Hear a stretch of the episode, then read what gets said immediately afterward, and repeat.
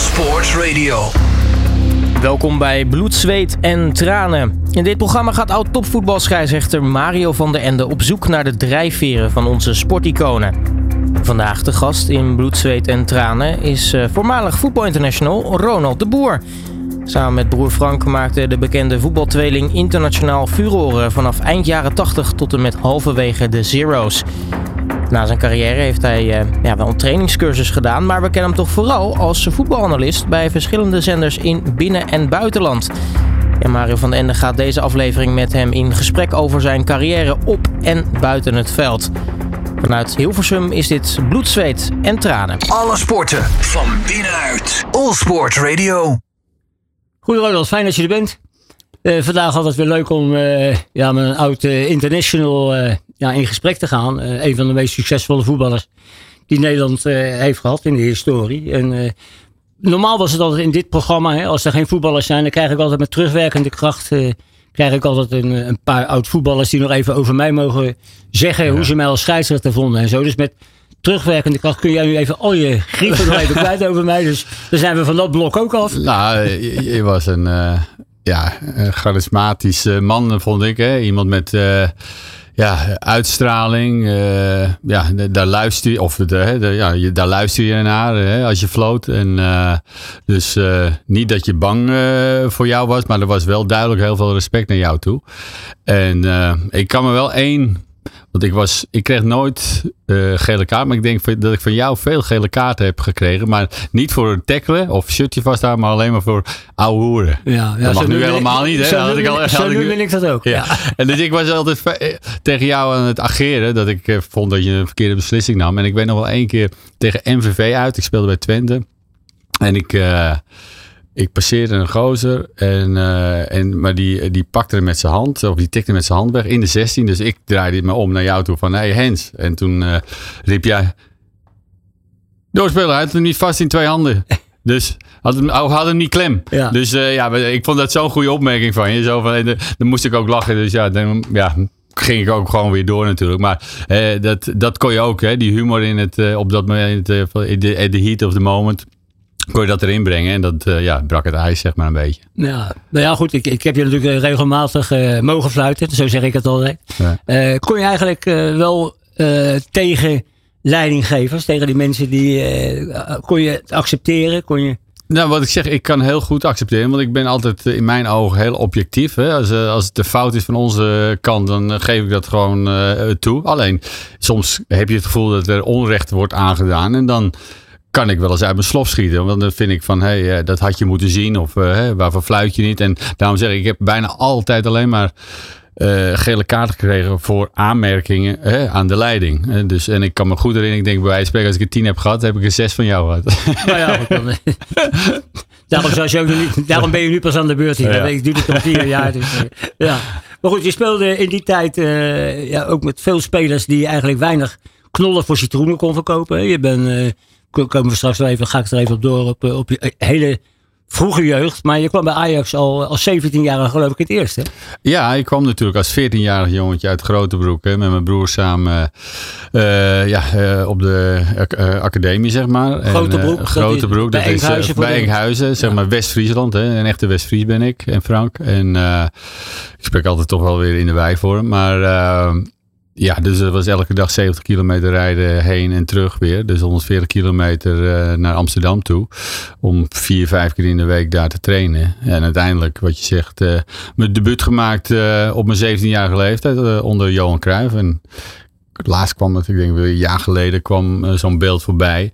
En dan uh, ja, staat Johan naast me, hè, zo van uh, succeswensen. Maar stond ook, ik had ook, mijn shirtnummer was 14. Dus dat zijn wel speciale momenten om uh, aan terug te denken. En ik, als een spits betaamt, moet je scoren natuurlijk bij je debuut. En dat deed ik ook gelukkig. Dus we wonnen met 6-4 tegen Pek Zwolle. Ja, ja, ja. Maar daar zaten natuurlijk ook mannen bij als Ronald Spelbos, ja. Jan Wouters, Edel Oppel, ja, denk ik nog, Johnny van Schip.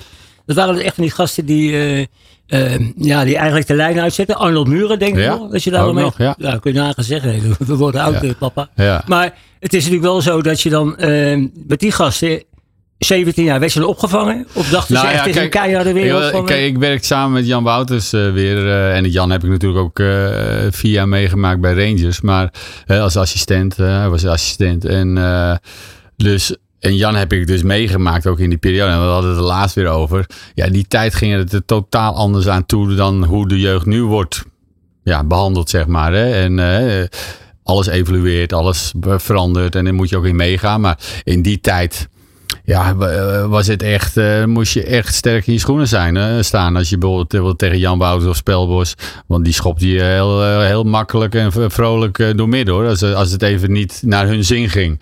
En dat laatst had ik ook weer, hadden we weer zo'n oh ja, moment dat we hadden van, oh ja, weet je nog Jan, dat ik, uh, we speelden een partijtje en ineens kwam een overtal op mij af. En ik stond tegen met mijn maatje. Ik zeg 3 tegen 2. Ik zeg, laat Jan maar schieten van, ja, van 12 meter. Maar hij kwam, het, het, het, deed overkomen of alsof ik zei van Jan kan toch niet schieten. Dus laat hem maar schieten. Zo, hè? Dus een beetje cynisch naar hem toe. En op dat moment, hij miste ook. Maar daarna gingen we door natuurlijk met het partijtje. Nou, de eerste beste bal die een beetje tussenin kwam. Nou, dan kreeg ik mijn cake. Ik vloog gewoon een meter de lucht in. Ja, dat was Jan. En dat, dat zie je nu eigenlijk, dat soort karakters. in, in, in een team zie je bijna niet meer. Dus, uh, maar jij noemde net Johan Cruijff, maar dat waren voor hem toch vaak dit soort mannen ook uh, het cement voor een elftal. Hè? Ja, maar dat is... Dat spelbos, uh, wat ik net al zei.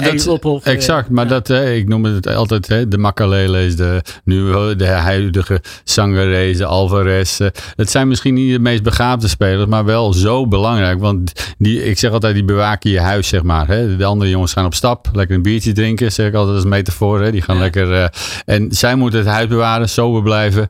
En ja, dat is zo belangrijk. En die staan er bijna altijd als eerste op het bord. Eh, hè, als een trainer zijn elftal moet opstellen, uh, staan, uh, wordt dat nummertje of die, die naam als eerste geschreven. Ja, nou ja, je zei net ook bijvoorbeeld uh, over, over jezelf. Hè, dat je veel de kaarten die je hebt gekregen vaak voor het praten waren. Ja. Je, je, kon natuurlijk wel eens cynisch zijn. Hè? Ja. Steek je onder water geven, de boel wakker houden. Ja. Dat, dat, werd dan ook nog wel eens gezegd. Ja, we moeten, we moeten weer wakker houden, schijt. Maar je hebt natuurlijk ook met opgewonden standjes ik heb er even een paar opgezocht. Wouters noemde je Amoruso weer meegespeeld. Fernando Rixen bij ja.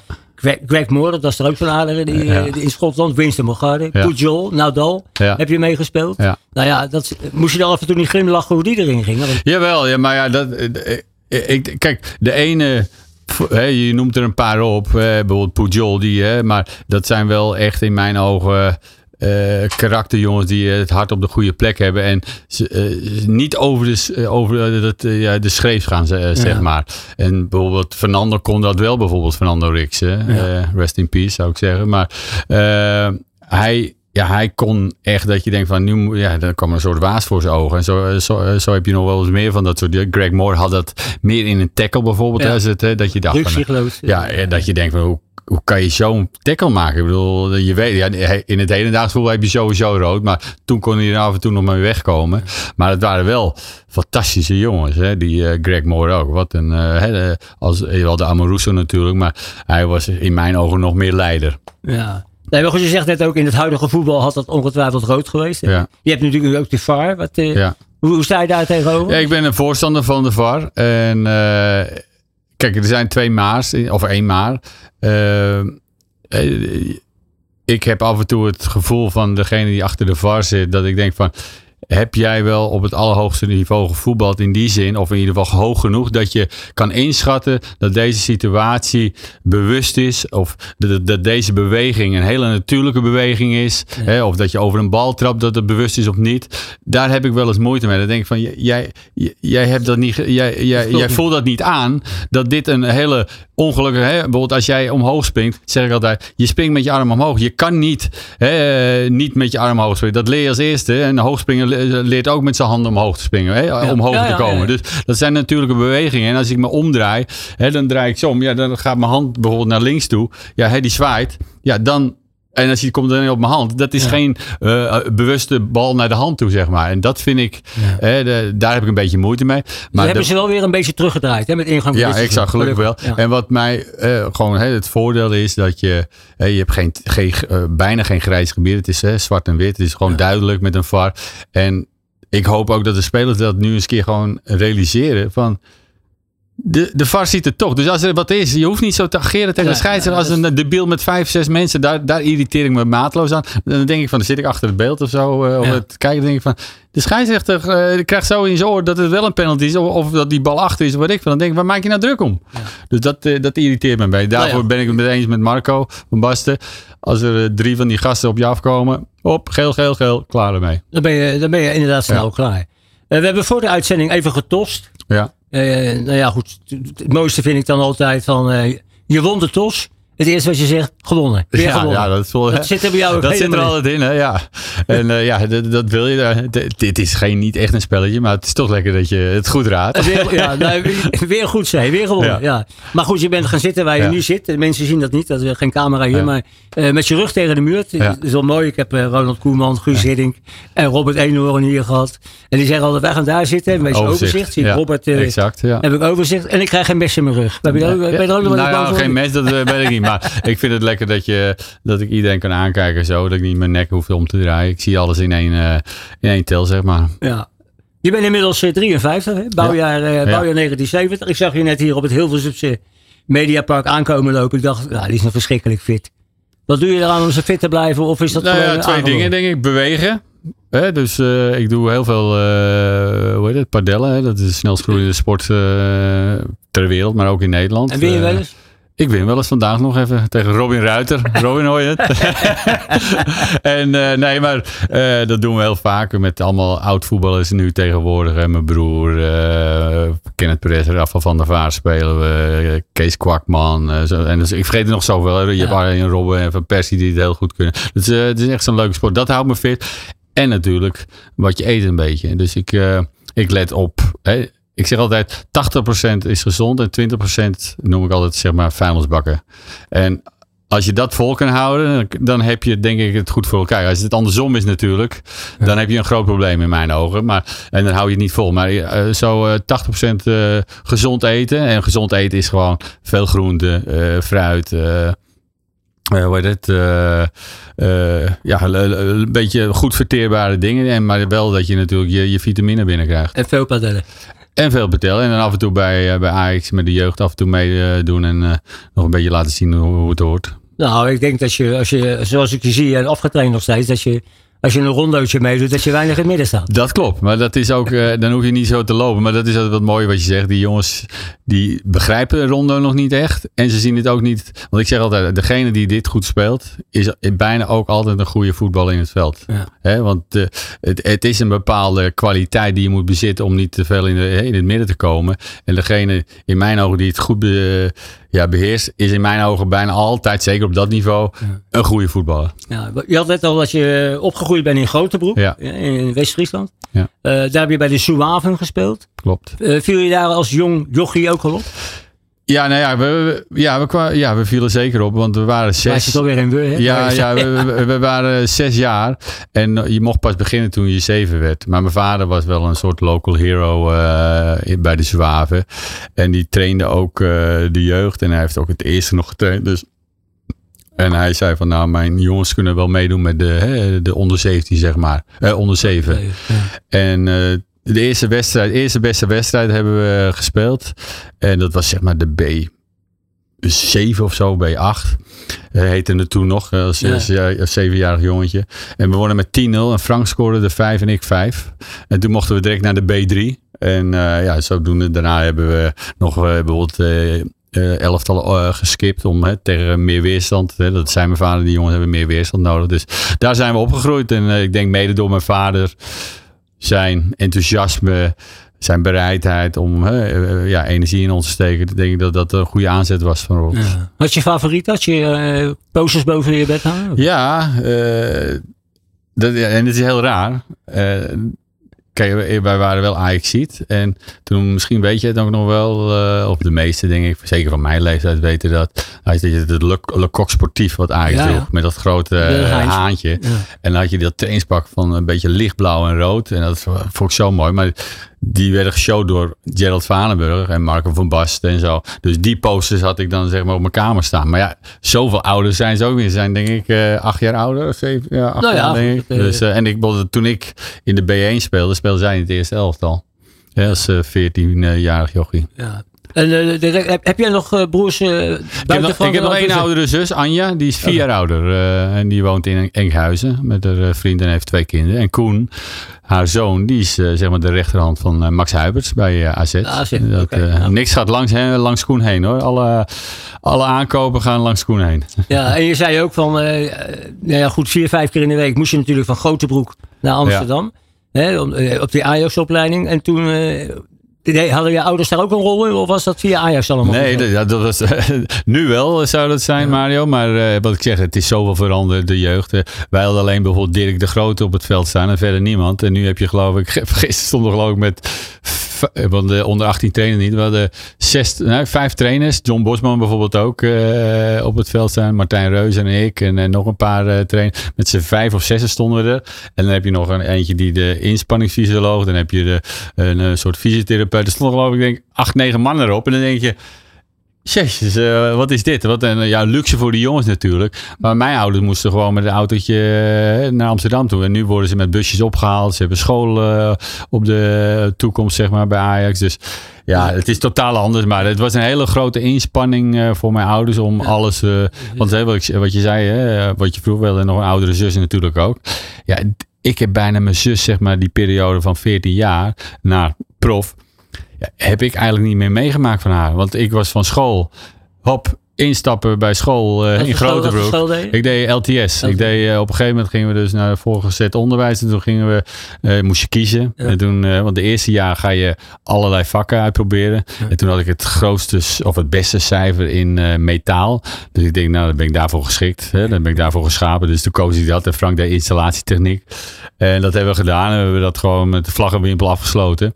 Alleen, ja, toen werd het voetbal steeds serieuzer. En toen heb ik we nog wel hebben, want hè, dat is zeg maar LTSC-niveau en dan hebben we nog D-niveau gedaan. Dat is zeg maar een soort MAVO. Die hebben we ook gehaald, want ja, we moesten toch nog wat doen met onze vrije tijd. Maar ja, daarna werd het echt alleen maar voetbal. En uh, dus voor mijn ouders was het hè, elke keer dat eten weer bijvoorbeeld om acht uur s'avonds klaar hebben. Of mijn vader of mijn moeder. Mijn vader was stukken door. ritme. Ik zag, mijn vader was stukken door. Dus soms had hij een klusje, dat moest hij afmaken. Dat kon hij niet. Dan moest hij belde hij, uh, schat, jij moet uh, die jongens ophalen van school. En ik zorg wel eten dat het klaar is. En uh, de pieperschillen. Ja. We hebben je ook gevraagd naar je muzikale voorkeur. Ja. Heb je sowieso wat met muziek? Ja, ik hou van muziek. Ik heb altijd muziek aanstaan. In de auto? In de auto, ja. allerlei. Als je het ook als voorbereiding op je wedstrijden? Uh, vroeger, ja, vroeger, nee, maar vroeger niet. nu heb je die AirPods natuurlijk. Ja. Uh, maar ik had vroeger niet, maar de laatste jaren juist wel. En, of nou, laat ik het zeggen, uh, niet in de jeugd, maar bijvoorbeeld, er komt straks een nummer, dat had ik bijvoorbeeld bij Twente continu aan. En dan had ik. Nou, daar kreeg ik een soort energieboost van. En denk ik van, nou, niemand gaat me tegenhouden hoor, de, op dit moment. Dus, dat doen we straks, ja. want we gaan nu eerst luisteren naar een oude nummer 1 hit van Casey en Jojo met de All My Life. De eerste muzikale keuze van uh, Ronald de Boer. Alle sporten van binnenuit. All Sport Radio. U bent terug bij uh, Bloed, Zweet en Traan en horen zojuist uh, Casey en Jojo op verzoek van Ronald de Boer die vandaag onze gast is. All My Life speciaal uh, nummers voor jou? Ja, nou, vooral voor mijn kinderen. Mijn kinderen waren uh, gek op dat liedje. Mijn oudste drie, die zijn nu 30, 27 en 22. Maxime, uh, Demi en Broek. En speciaal op dat moment eigenlijk dat het een hit was, was toen we in Qatar woonden. Dus elke keer als we naar school gingen met de, met de meiden, werd die ja, luid opgezet. En ik heb het met Demi ook ja, gezongen, zeg maar, voor de, de Singer. Hè? Dus dat was heel leuk. Gewonnen? Nou ja, ze hebben mij wel geraden eentje en mijn dochter niet. Maar het was heel leuk. Maar het ging voor het goede doel. Het was een, eh, zeg maar een speciale optreden voor eh, Spieren voor Spieren. Waar ik al ambassadeur ben van uh, in 1998 eigenlijk. Tijdens het WK. En sindsdien ben ik nog steeds ambassadeur voor kinderen met een spierziekte. Ja, oké. voor die muzikale keuze van jou spraken we over je debuut bij de Ajax als 17-jarige. Je hebt toen een jaar of uh, vier daar nog gespeeld. En toen kreeg je op een gegeven moment als je niet echt een vaste plek. Ja, klopt. Hè, onder Leo Benakker was dat. Wat dacht je toen? Van ik moet wegwezen? Nee, ik had het gevoel dat Leo het niet helemaal in me zag zitten. Dus ik, uh, ik vond niet dat hij het vertrouwen aan me gaf. Als je terugkijkt, dan ga je zelf in de spiegel kijken en dan denk je ja ik had zo goed moeten zijn dat hij niet om me heen kon. Stond je toen spits? Of ik stond spits. ik stond spits. En, maar soms ook wel eens op tien kwam ik. En ik keek wel de Bergkamp, we hadden Ron Willems, we hadden Wim Jonk ook op die positie. En het was een beetje stuiveltje wisselen. Dus als je het goed deed, bleef je staan. Als je dan bijvoorbeeld slecht speelde, de volgende wedstrijd stond je bij spreken weer achteraan de rij. En dan schoof je weer langzaam door totdat je mocht invallen en het goed deed. En had je weer een kans. En ik moet zeggen, Mario, ik kon slecht tegen, of niet slecht ik maakte me vaak te druk. Dus ik, eh, de spanning was eh, soms te, te veel voor mij. In die, eh, als ik bijvoorbeeld begon met een wedstrijd, dus als ik mocht starten. En ja, daar heb ik denk ik een goede keuze gemaakt om naar Twente te gaan. Want daardoor ja, wist ik gewoon als ik slecht speelde, dan kon ik nog door. Uh, dan speelde ik de volgende dag nog. Al speelde ik de wedstrijd daarna nog slecht, speelde ik nog. Uh, dus dat gaf me een soort vertrouwen. En ja, meer vlieguren. Want je speelt eigenlijk tegen de te dezelfde tegenstander waar hij tegen speelt. Alleen twee keer in het jaar niet, zeg maar. En uh, dat heeft me denk ik ja, één stap teruggeworpen. Maar achteraf natuurlijk drie vooruit. En dat was een geweldige move eigenlijk geweest om, om die stap te maken naar de FC Twente. En het was een geweldige tijd ook, moet ik zeggen. Ja, en het aardige is, na anderhalf jaar uh, stond Ajax weer op de stoep bij je om, om, je terug, om En dat is ook wel eens, soms moet je mazzel hebben in het leven. Uh, dat bijvoorbeeld Louis Vergaal de trainer was. Die, uh, daar reed ik al af en toe met carpoolen mee. van, met de jeugd vanuit Avanhoorn. En had mijn vader of mijn moeder toch niet helemaal. die moesten nog misschien iets met, mijn, met mijn zus doen. Dus dan stapten we bij Louis in. Want we trainen soms ook onder hem. En ja, die heeft kwaliteit in mij gezien van, van hey, dat missen we nog bij dit Ajax. En ik was natuurlijk wel ja, aardig bezig bij FC Twente. Zeker het uh, laatste half jaar, zeg maar. In 93 speelde ik echt fantastisch. Dus uh, ik, uh, ik geloof ik in 15 of 16 wedstrijden scoorde ik 10 of 11 goals. Dus uh, ja, het, het, ja, dat ging ja. En toen, ja, Louis werd hoofdcoach en die wilde mij hebben. Dus ja, de rest is history.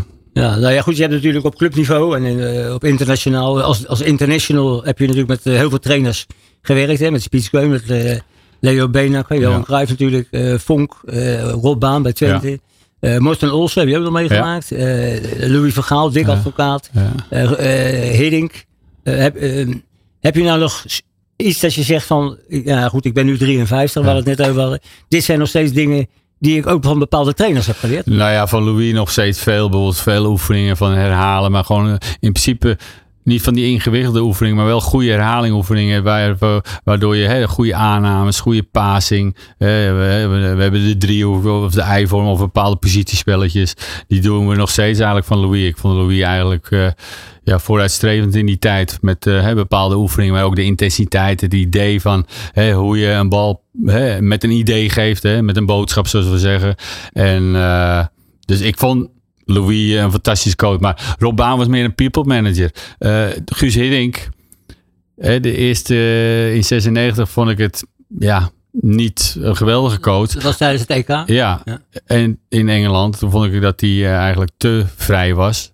En in 98 had hij de thuis iets steviger, maar toch met een, zoals hij is, een people manager. En dat werkte perfect. Dus soms heb je ook een ploeg nodig, denk ik. Die moet je uh, een coach hebben die er bovenop zit. Hè? Bijvoorbeeld een Simeone of weet ik veel. En soms moet je uh, een Guus Hiddink hebben die een armpje eromheen doet. Of je moet een Louis Vergaal hebben die er ook bovenop zit. Bepaalde, uh, bepaalde types. En dus het is ook soms een wisselwerking denk ik. En daardoor moet bijvoorbeeld een, een clubleiding goed kijken van wat voor type spelers hebben we in het huis. En wat past, past daarbij. Ja, ja.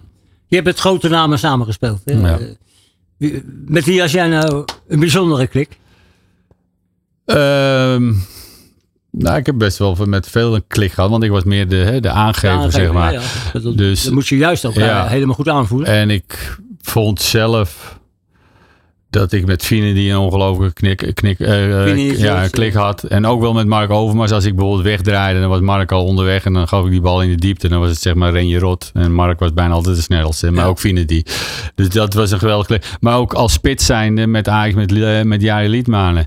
Jari wist precies als ik in de bal ging, ging hij in mijn rug diep. En dat was ook een geweldige combi. En uh, ja, bij Rangers Michael Mols, uh, denk ik, uh, heel fijn samengewerkt. En, maar ook die tijd bij Twente met Juri Mulder.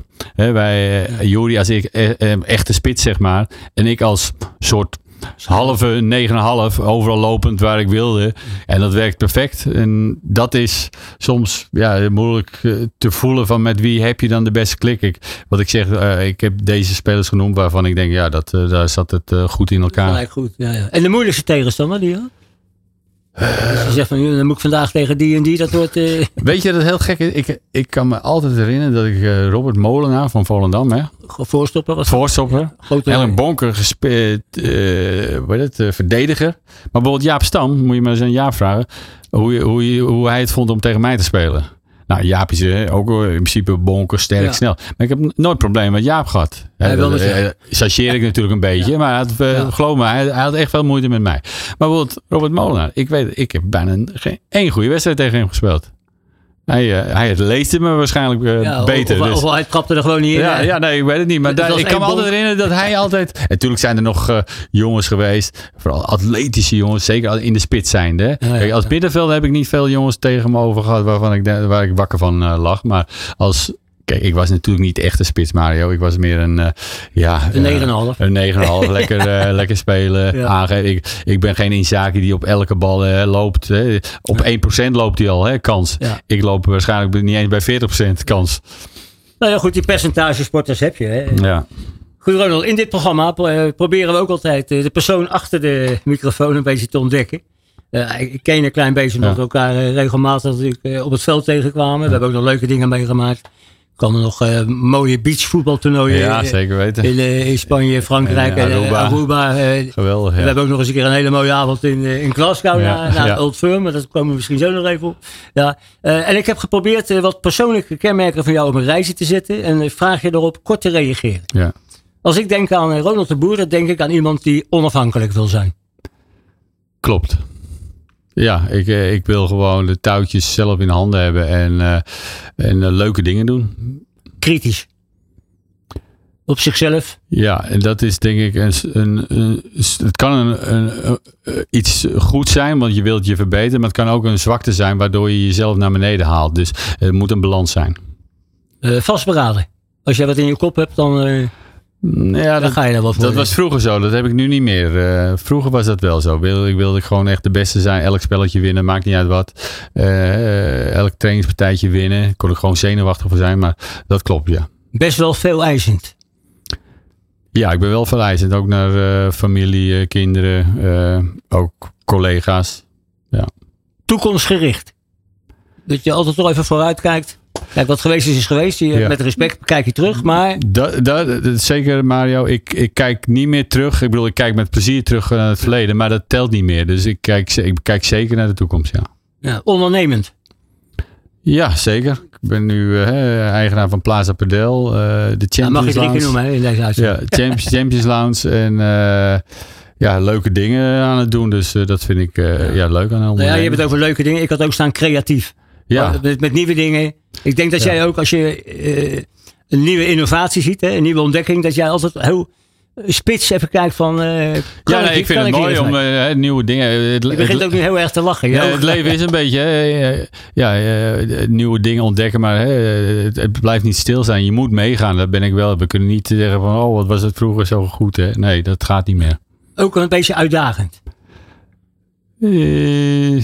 Ja, maar met wel de respect altijd. Ik, eh, om mensen een beetje mee te krijgen in je, in je gedachten. Je... Ja, nee, maar ik, ik, denk dat ik, ik ben altijd mezelf, maar ik, eh, ik, ik waardeer mensen op hun, uh, op hun manier, op hun vlak. En, en ik probeer gewoon daar aandachtig naar te luisteren en, en met ze ja, in gesprek te komen. En het hoeft geen klik te zijn op zon, maar vaak is dat wel zo. En ik vind het gewoon ja, leuk om met mensen ja, uh, dingen te doen, zeg maar. Ja, nou, je had het net ook, ik ben altijd mezelf. Probeer niet wat, ik had ook staan, uh, zelfcontrole. Ja. Je hebt jezelf denk ik wel helemaal in balans uh, probeer je te gaan houden en te krijgen. Ik probeer altijd, natuurlijk zijn er momenten dat je je wel eens onzeker voelt, maar in principe ben ik altijd mezelf. Ik zeg altijd, ik gedraag me niet anders als ik met de koning ben of met de vuilnisman praat. Met hetzelfde respect en, en dat hoop ik altijd ook wederzijds is. Ja uh, houdt van schoonheid en van meesterschap. Ja, uh, dat heb je ook, heb, moet ik ook leren hoor. Moet ik zeggen, heb ik ook geleerd. Uh, van schoon, er zijn zoveel mooie dingen in, in het leven. Van kunst tot uh, mooie landen.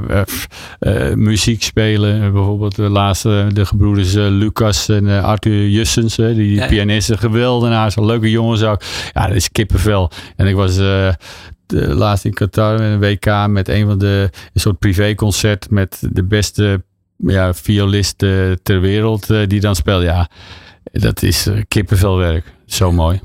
houd van actie en het afronden van processen die, waar je aan begint.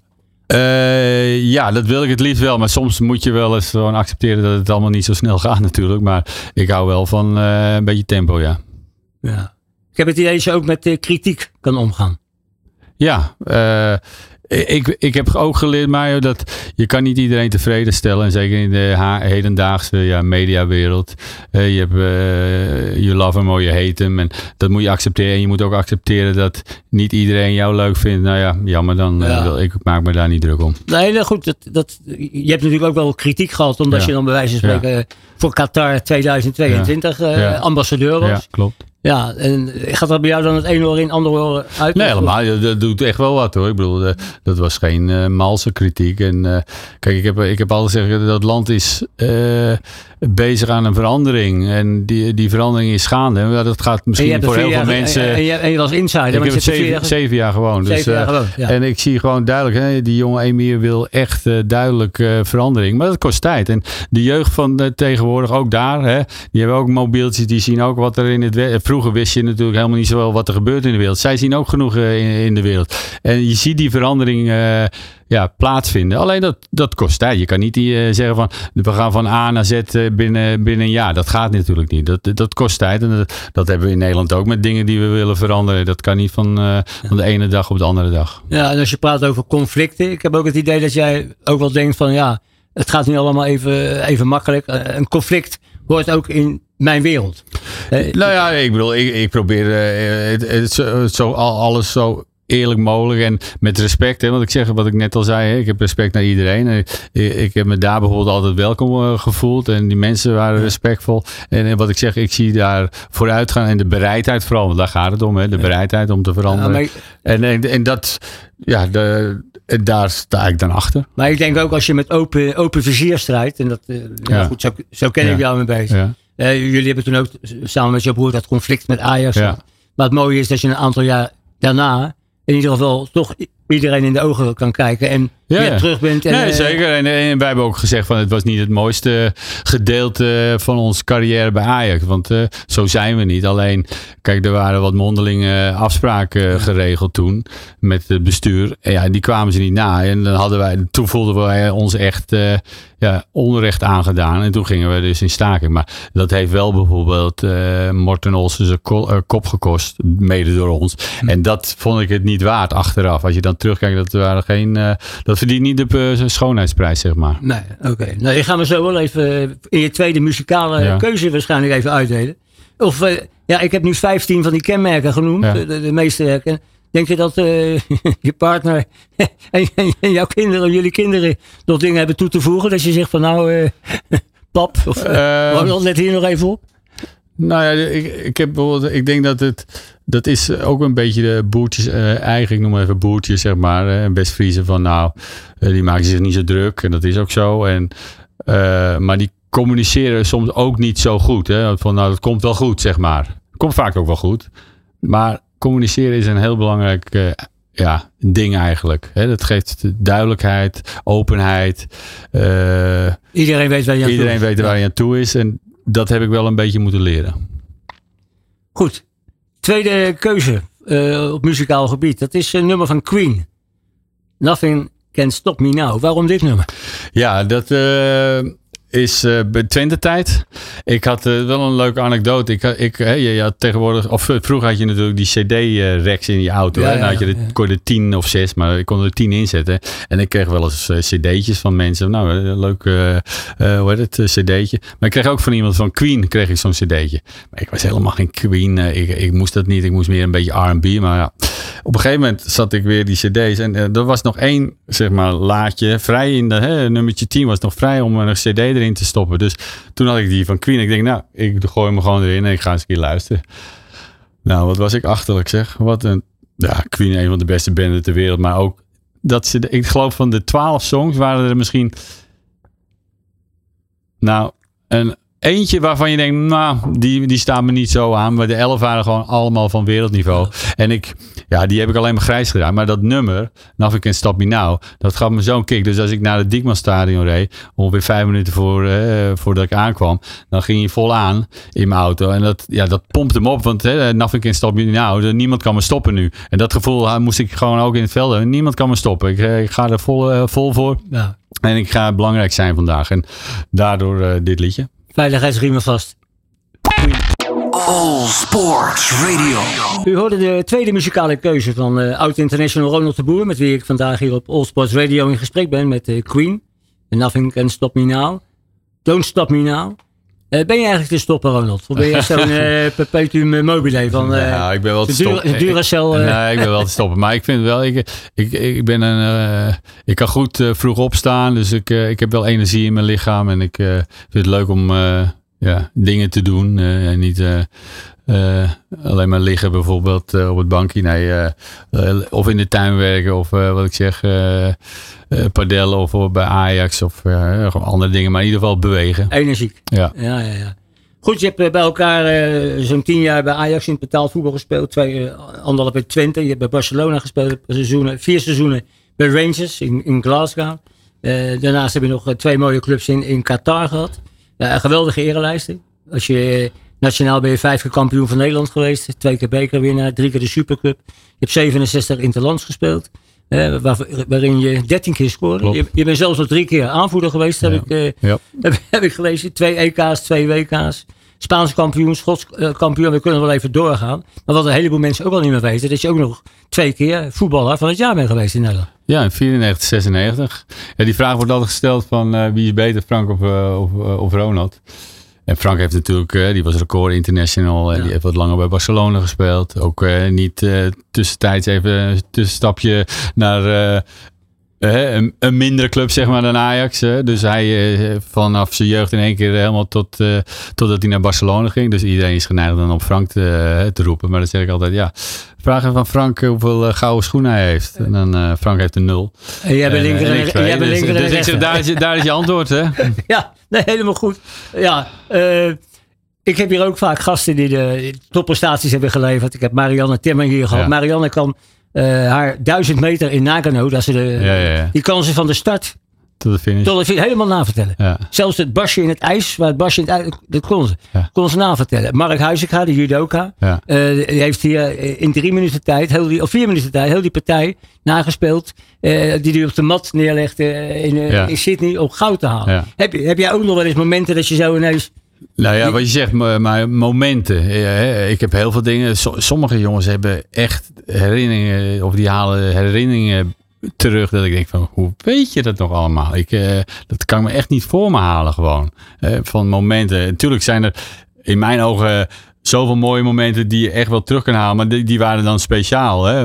Bijvoorbeeld uh, het winnen van het Champions League en bij het afsluiten. Of de eerste uh, beste kans die ik had, uh, het, het, de, week, of de WK halve finale met Roberto Carlos. Hè, dat ik denk, als ik een halve seconde iets eerder was gestart, had ik hem in een leeg doel kunnen tikken. Hadden we 1-0 voorgestaan hè, in die halve finale tijdens het WK. Dat soort momenten, en zo zijn er nog wel meerdere. Maar echt, 90 minuten, vergeten natuurlijk. Dat, nee, uh, nee, maar dus het is meer gewoon echt van die momenten die, die blijven omdat je of iets heel goeds hebt gedaan of een stomme tijd. Die heb je ook gehad in je voetbal? Nou ja, bijvoorbeeld, nou, ik bedoel gewoon mindere momenten dat je denkt, goh, als ik dat nou had nou gedaan, uh, hè, waarvoor dat, wat ik zei, over dat halve seconde eerder starten, dan had ik... Uh, Achtervolg je dat? Hou, hou je dat uh, lang penalty bij missen natuurlijk. Hè, penalty daarna. missen, heb je ook ja, dat, ja. daar denk je natuurlijk aan. dat, dat vergeet je nooit meer. Ik bedoel, ik heb genoeg penalties gemaakt, maar je denkt toch altijd aan degene die... Tegen, tegen Brazilië. Tegen Brazilië, ja. ja. Nee, maar goed, maar dat zijn natuurlijk ook mensen die daar heel lang last van houden. En... Ja, nee, ik heb daar niet veel last van gehouden. De eerste twee weken waren we natuurlijk uh, op vakantie daarna op het strand. En dan denk je eraan, maar op een gegeven moment uh, zakt het weg. Zakt het weg. Krijgt het een plekje. Ja. Je hebt uh, geweldige clubs gespeeld. Hè? Ajax, Barcelona, Rangers. Twente. Twente, ja, ja maar kon je ook eenvoudig aanpassen in het buitenland? Ja, ik ben altijd, uh, denk ik, je zou zeggen een Westfries, nou die stug en die past zich niet makkelijk aan. Maar ik weet niet, dat zit toch in onze genen waarschijnlijk dat wij uh, en ik zeker uh, me heel goed kan aanpassen. En want wat ik ook altijd doe, ik, ik wil ontdekken. Hè? Ik wil wat, nieuwe dingen. Nieuwe dingen, hè? Het eten. Ik zeg altijd, ik ben wereldburger geworden in Barcelona. Ik heb daar leren tomaat leren eten. Want ik kom natuurlijk uit West-Friesland. Nou, dat was natuurlijk uh, aardappelen schillen en dan groenten uit de opa's tuin. En een stukje en, vlees. En een stukje vlees. En af en toe misschien een kippie. Maar dat, dat was het eigenlijk. Of een varkenshaasje. Dat we, hè? En daar heb ik tomaat leren eten. Salades uh, wijn leren drinken.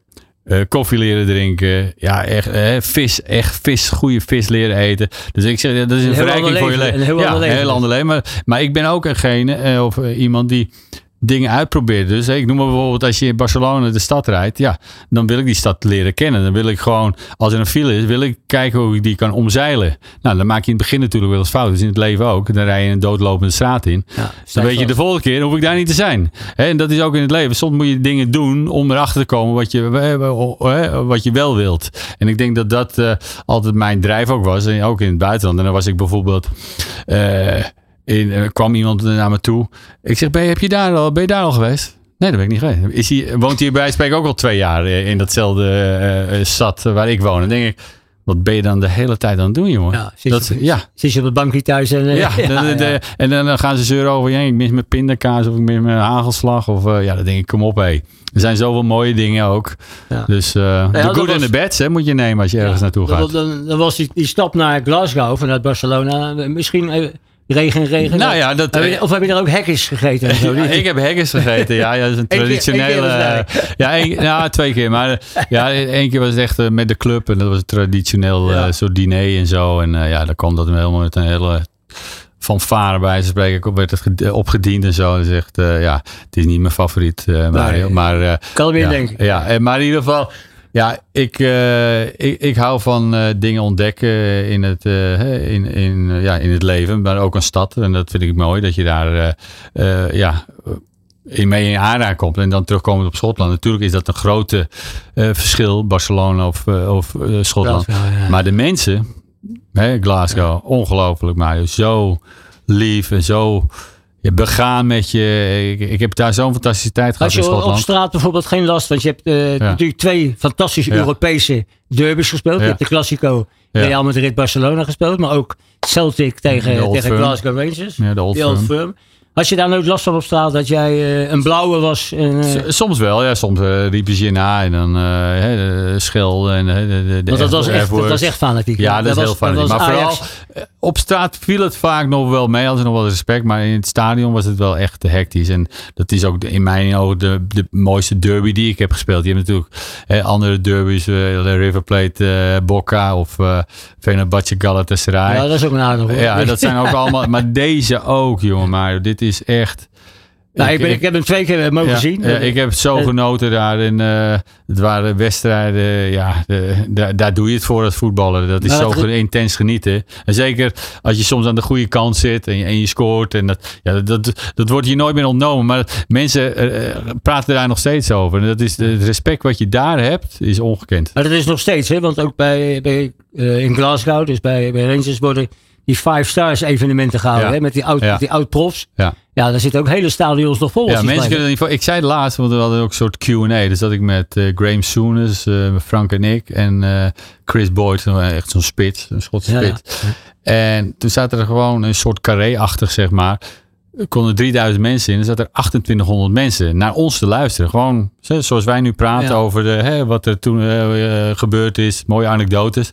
En toen zei ik tegen die mensen, ik ja, kan je voor, wij kunnen dit niet ons voorstellen dat als wij bijvoorbeeld dit in Carré houden en ik noem maar wat van de Sar, eh, Overmars en Frank en ik eh, gaan daar zitten, dat bijvoorbeeld heel Carré wordt uitverkocht.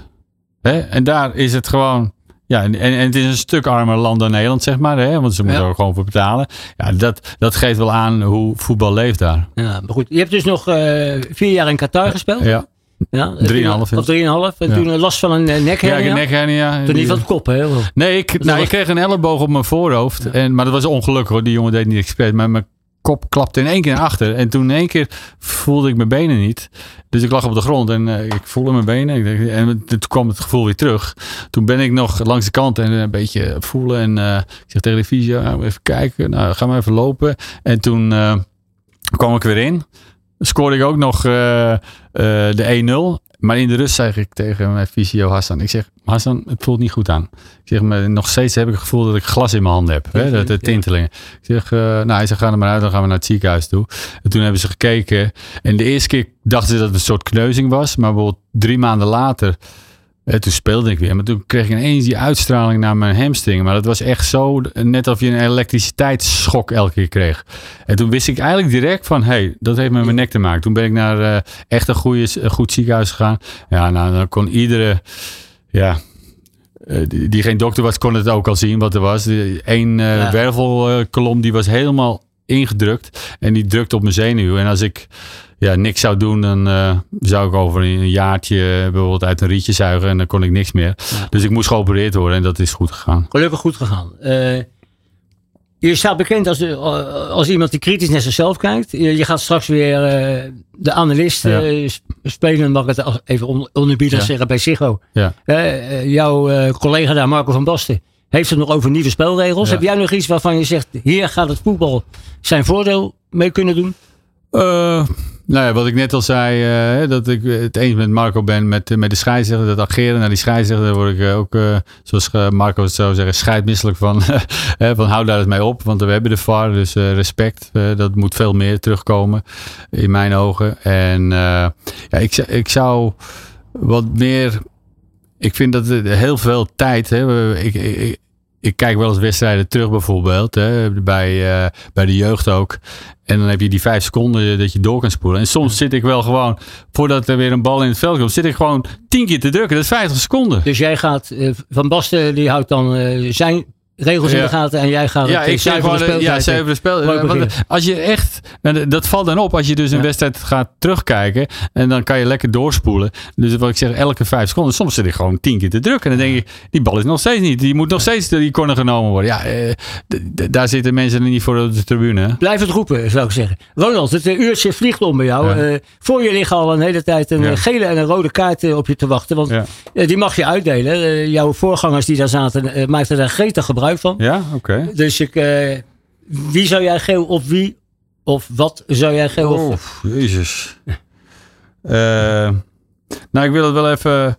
Ja, een rode kaart voor de, de president van... Uh, of de, zeg maar, niet de president, de voorzitter van de Spaanse voetbalbond. Ja. ik, ik, weet even zijn naam niet, maar die krijgt een rode kaart. En niet zozeer van die, die, die kus. Want ik zag dat het echt uh, niet gespeeld. Dat was echt blijdschap wat die man deed uh, met zijn, uh, op dat moment. Dat hij niet bij, ik weet zeker dat hij niet bij nadacht. Dus het was geen bewuste actie en niet zo van ik ga denigreren doen. Dat ben ik 100% van overtuigd. Maar het ging vooral dat andere moment dat hij op die balkon stond met zijn met hand en met die ballen zo. Dan ben je voor mij geen voorzitter. Zo gedraag je niet. Dus voor hem de rode kaart. Nou ja, goed. Ik vind, ik vind dat wel een hele mooie afsluiting ja. van dit programma. Ja. Als je die gele ook nog zegt, nou oké, okay, nee, alles laten we die. Uh, mooi, ja. Rood is nou eenmaal rood. Ja. Dat is. Goed, we gaan het programma afsluiten met jouw derde muzikale keuze. Ja. Uh, Tina Turner met uh, Simply the Best. Nou ja, dat, die hebben we vorige maand ook van Dick Advocaat. Exact, ja. Dat is waarschijnlijk... Ja, kijk, we, dat is Glasgow Rangers natuurlijk. En uh, als we het veld opkwamen, werd dit gespeeld. Ik krijg nog steeds kippenvel als ik er aan denk.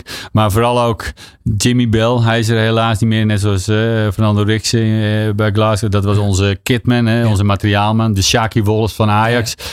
En dat was zo'n geweldige fan. En die draaide, die was ook buschauffeur, zeg maar. En dan had hij gewoon een Versace pakje aan. Maar, en altijd vijf minuten of uh, zes minuten voordat we het, uh, het, een stadion binnen reden of kwamen ging dat vol aan. En dan zong iedereen mee. En dat uh, simpel. Ook de spelers in de bus. Spelers ook, ja. Dat was geweldig. Dat was zo'n ja, gevoel. Je, je, ja, je adrenaline ja, die steeg bij spreken de bus uit. Dus dat was fantastisch. En ja, dat vergeet je nooit meer. En ook het, het, het meeste wat je zegt, het stadion, wat dat meezinkt als je het veld opkomt. Ja, dat is een van de mooiste dingen. Ja, dat is mooi als je het meegemaakt hebt. En Ronald, ik wil je in ieder geval hartelijk bedanken voor je komst en je openhartigheid wens je alle gezondheid, alle goeds toe. Voor de mooie dingen die je ongetwijfeld nog in gedacht hebt. U bedankt voor het luisteren. Een goed sportweekend gewenst. En uh, tot de volgende aflevering van Bloed, Zweet en Tranen.